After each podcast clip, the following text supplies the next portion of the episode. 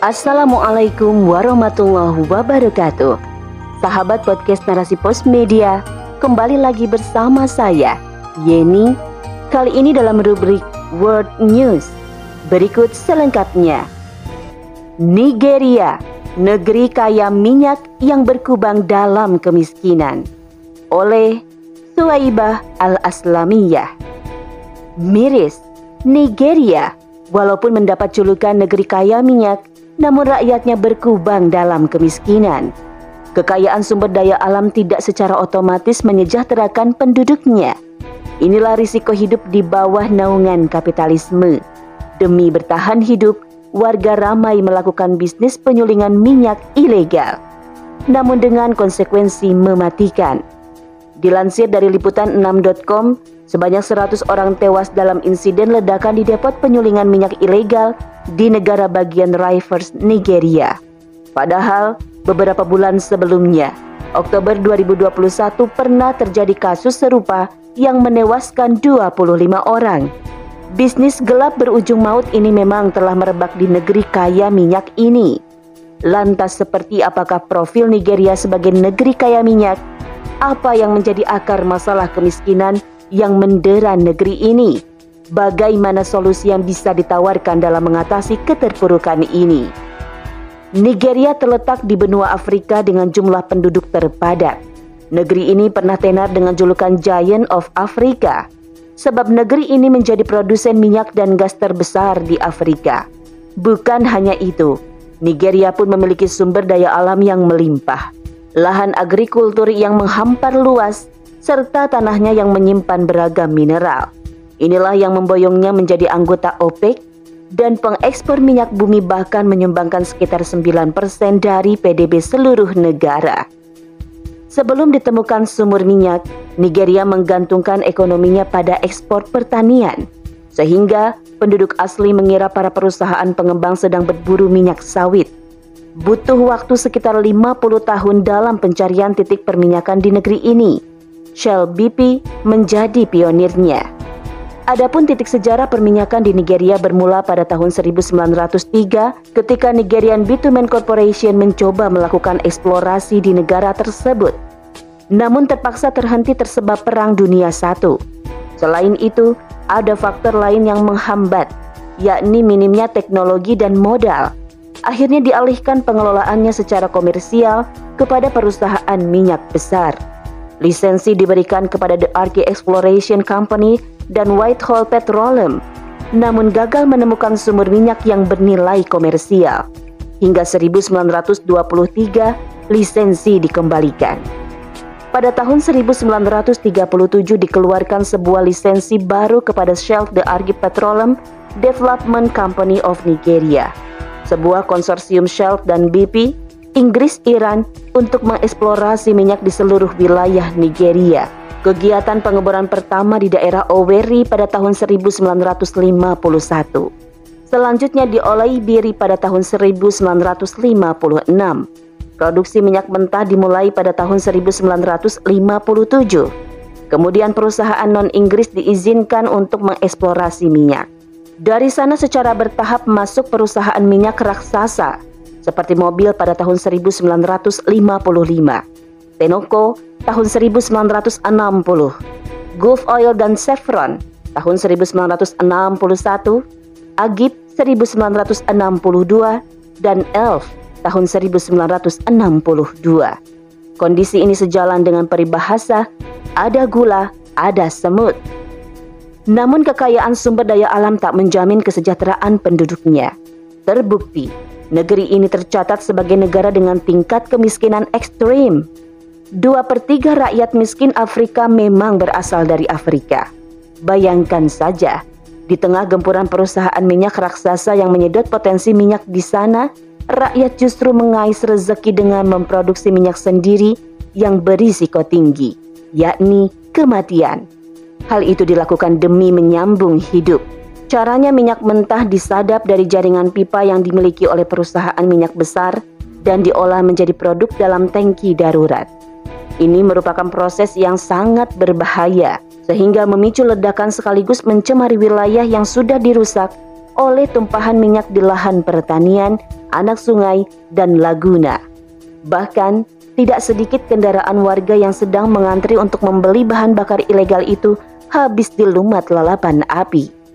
Bukan hanya itu, Kilang minyak ilegal ini menyebabkan produsen dan eksportir minyak terbesar di Afrika harus menanggung rugi 200 ribu barel minyak per hari atau 10% dari produksi karena terjadi penyadapan dari pipa utama. Inilah yang menjadikan alasan pemerintah menerjunkan aparat kepolisian Nigeria untuk memburu para pemilik kilang minyak ilegal yang notabene dimiliki warga asli Nigeria.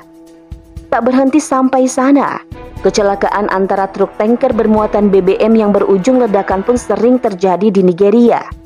Sebab infrastruktur jalan yang rusak parah. Setelah insiden itu, masyarakat berlomba-lomba menyedot minyak atau bensin untuk dijual kembali demi bertahan hidup. Sungguh ketidakadilan yang tampak nyata. Penguasa menggelar karpet merah untuk perusahaan asing mengeksploitasi minyak di sana Sementara rakyat Nigeria sendiri harus berjibaku mempertahankan hidup dengan mempertaruhkan nyawa. Itu pun masih harus berkejaran dengan aparat karena dianggap pencuri dan perusak lingkungan. Keberlimpahan sumber daya manusia bukanlah jaminan atas kesejahteraan penduduknya. Ada faktor lain yang menentukan, yakni kapabilitas dan loyalitas penguasa serta sistem yang membidani lahirnya semua kebijakan. Menilik akar kemiskinan di Nigeria memang tidak semudah membalikan telapak tangan. Butuh upaya keras agar kita tidak keliru dalam meneropongnya. Nigeria termasuk jajahan Inggris. Baru dinyatakan merdeka pada 1 Oktober 1960. Kemudian kepemimpinan dikendalikan rezim militer selama 16 tahun. Nigeria terjebak dalam ketidakstabilan politis, korupsi, buruknya infrastruktur, dan carut-marutnya manajemen makroekonomi. Diperparah dengan terperosoknya Nigeria dalam jebakan utang IMF pada Agustus 2000. Bahkan pada 2003, pemerintah Nigeria mulai menderegulasikan harga BBM sekaligus mengumumkan privatisasi empat kilang minyak negara. Kemudian Nigeria mendirikan National Economic Empowerment Development Strategy berdasarkan model Poverty Reduction and Growth Facility suatu program rancangan IMF yang dianggap resep jitu untuk manajemen fiskal dan moneter. Namun alih-alih memperbaiki kondisi ekonomi, Nigeria malah terlilit utang, bahkan dinyatakan gagal bayar. Baru pada April 2007 rezim dikuasai sipil. Sepertinya rezim ini tidak memetik pelajaran dari pendahulunya. Sebab di tahun berikutnya, rezim sipil ini justru menambah kemesraannya dengan IMF ambisinya untuk melakukan gebrakan reformis justru menjerumuskan Nigeria menjadi pesakitan. Bukan obat, namun justru racun yang dilahapnya. Semua resep dari IMF dieksekusi seperti modernisasi sistem perbankan, upaya mengadang inflasi dengan membenamkan permintaan kenaikan upah berlebihan, dan solusi atas perseteruan regional atas distribusi pendapatan dari industri minyak. Pasca eksekusi, ekonomi Nigeria menguat pada dua tahun pertama, namun kembali anjlok di tahun 2009. Dr. Goodluck Jonathan memimpin Nigeria pada 2010. Dia berjanji akan melakukan reformasi ekonomi terutama peningkatan infrastruktur dengan model public-private partnership. Namun, lagi-lagi target tak terrealisasi secara signifikan. Bahkan di masa presiden sekarang, Muhammadu Buhari yang terpilih menjadi presiden Nigeria sejak 2015, Nigeria tetap tak beranjak dari kemiskinannya, ibarat peribahasa, tikus mati di lumbung padi. Terbukti, pergantian rezim saja tidak mampu mengubah kondisi Nigeria menjadi lebih baik. Mengapa? Sebab turbulensi kebijakan bermuara pada sistem yang tidak berorientasi pada kepentingan rakyat jika kita amati berbagai kebijakan yang dijalankan keseluruhan rezim yang berkuasa di negeri minyak itu, dapat kita simpulkan bahwa Nigeria ada dalam cengkeraman ideologi kapitalisme yang dimanifestasikan dalam sistem kenegaraan yang dijalankan. Tak dipungkiri kapitalisme mampu menghipnotis dunia agar mau bertekuk lutut di hadapannya. Resep-resep yang ditawarkan kerap kali dilahap oleh semua pasiennya yang pesakitan bermula dari sekularisme atau paham yang memisahkan agama dari kehidupan hingga melahirkan banyak kebijakan. Sebut saja ide kebebasan kepemilikan yang selalu digembar-gemborkan, khususnya pada negeri-negeri yang kaya sumber daya alam. Ditanamkan dalam benak masyarakat dunia bahwa sumber daya alam itu bebas dimiliki siapa pun, asalkan punya kapital besar dan teknologi mutakhir untuk mengelolanya. Dikuatkan pula dengan kaki tangan kompradornya dalam lingkaran kekuasaan untuk melegalisasi perampokan sumber daya alam ini di bawah payung hukum kolonial. Tak hanya itu, jeratan utang berbasis ribawi pun digencarkan IMF sebagai perpanjangan tangan para kapitalis agar pasiennya terbelit utang dan mengalami gagal bayar. Sehingga menciptakan kebergantungan penuh pada IMF kapitalisme memang berhasil membangkrutkan negara yang diisapnya dengan mekanisme perampokan sumber daya alam dan jeratan utang. Bahkan kapitalisme pun bertanggung jawab atas munculnya para penguasa penjilat yang bermental korup. Mereka diiming-imingi secuil harta agar mengobral kekayaan negerinya. Bangga menjadi agen asing dan mengkhianati kepercayaan rakyat. Ramah kepada penjajah namun represif pada masyarakat yang dijajah. Jelas sudah bahwa kapitalisme lah biang masalah. Kaum muslim mengisi lebih dari separuh populasi penduduk di Nigeria. Ini merupakan potensi yang tidak bisa dianggap sebelah mata. Idealnya, mereka diberikan ruang untuk mengimplementasikan dimensi ruhiahnya sebagai aturan kehidupan.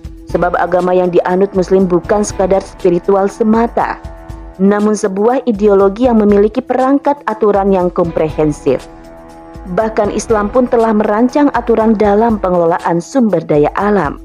Namun semua aturan ini hanya bisa dieksekusi oleh negara khilafah, bukan yang lain. Khilafah ini yang akan mempersatukan negeri muslim beserta potensi sumber daya alamnya. Khilafah merupakan kepemimpinan umum bagi kaum muslim seluruhnya di dunia yang menerapkan syariat Islam serta mengemban dakwah dan jihad ke seluruh penjuru dunia.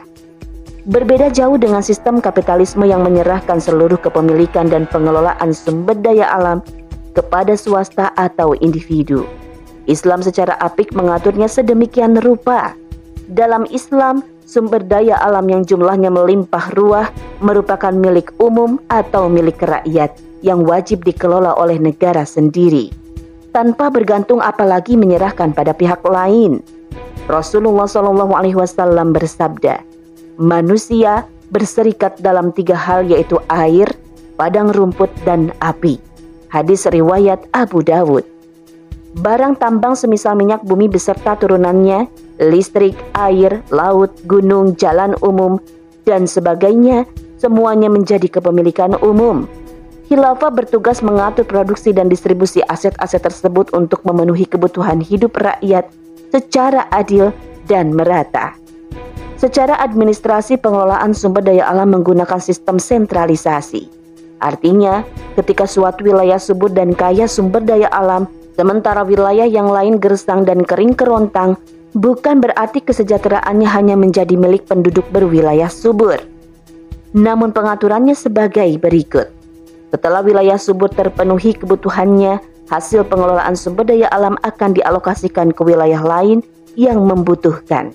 Sehingga keadilan dan pemerataan pemanfaatan sumber daya alam akan dapat terrealisasi. Secara teknis, pengelolaan sumber daya alam dapat dilakukan dengan dua cara. Pertama, sumber daya alam dimanfaatkan secara langsung oleh masyarakat umum seperti air, api, padang rumput, jalan umum, sungai, laut, dan samudra. Siapa pun boleh mengambil air dari sumur, mengalirkan air sungai untuk mengairi lahan pertanian, menggembala hewan ternak di padang rumput milik umum. Tugas negara hanya mengawasi pemanfaatannya saja, agar tidak menimbulkan kemudaratan bagi masyarakat sekitar. Kedua, pengelolaan dan pemanfaatan dilakukan sepenuhnya oleh khilafah. Sebab butuh biaya besar keahlian, dan teknologi tinggi untuk mengelolanya. Adapun hasilnya akan dimasukkan ke dalam baitul mal dan didistribusikan secara merata oleh khilafah. Dalam mengelola sumber daya alam, haram hukumnya negara menjual dengan tujuan komersial kepada rakyatnya atau untuk konsumsi rumah tangga. cukup ganti harga produksi saja. Namun, boleh mengambil untung sewajarnya jika dijual untuk keperluan produksi komersial. Akan tetapi, berbeda halnya dengan ekspor. Negara boleh menjual produk sumber daya alam ke negara luar dengan tujuan komersial alias menarik untung maksimal. Perlu diketahui, hasil keuntungan penjualan itu bukan masuk ke kocek penguasa, namun dialokasikan untuk memenuhi segala kebutuhan yang berkenaan dengan kegiatan operasional badan negara yang ditunjuk untuk mengelola harta milik umum, meliputi administrasi, eksplorasi, eksploitasi, produksi, pemasaran, dan distribusi. Selain itu, keuntungan itu dibagikan kepada seluruh rakyat dalam bentuk pemenuhan kebutuhan primer kolektif, yakni pelayanan dan fasilitas dalam pendidikan, kesehatan, dan keamanan. Dengan demikian, agar kemiskinan Nigeria dan seluruh negeri Muslim bisa diatasi hingga akar-akarnya. Inilah amazingnya Islam ketika diberikan panggung kekuasaan berupa tegaknya khilafah dalam menyelesaikan problematik yang telah diproduksi kapitalisme. Solusi jitu tanpa buntu. Khilafah inilah yang akan mengakhiri dominasi asing, menolak lembaga keuangan lintah darat seperti IMF, World Bank, dan lainnya dari seluruh negeri muslim pun khilafah akan menegakkan tatanan ekonomi revolusioner di dunia. Hanya institusi ini yang akan sanggup berhadapan apple to apple dengan negara adidaya pengemban kapitalisme. Siapa pun yang mampu berpikir komprehensif dalam memahami akar persoalan ini, disertai landasan keimanan yang kuat, akan mampu mengambil sikap untuk mengenyahkan sistem kapitalisme yang terbukti rusak ini kemudian beralih pada sistem Islam yang berasal dari Allah yang Maha Mengetahui. Bagi yang tidak beriman, cukup berpikir jernih dan murni. Akan mereka dapati betapa mujarabnya Islam dalam mengobati penyakit komplikasi yang sedang diderita dunia saat ini. Islam dan khilafah adalah jalan keluar hakiki yang mesti diperjuangkan oleh umat manusia. Allahu Akbar. Wallahu a'lam bishawab. Narasi Pos, cerdas dalam literasi media, bijak menangkap peristiwa kunci.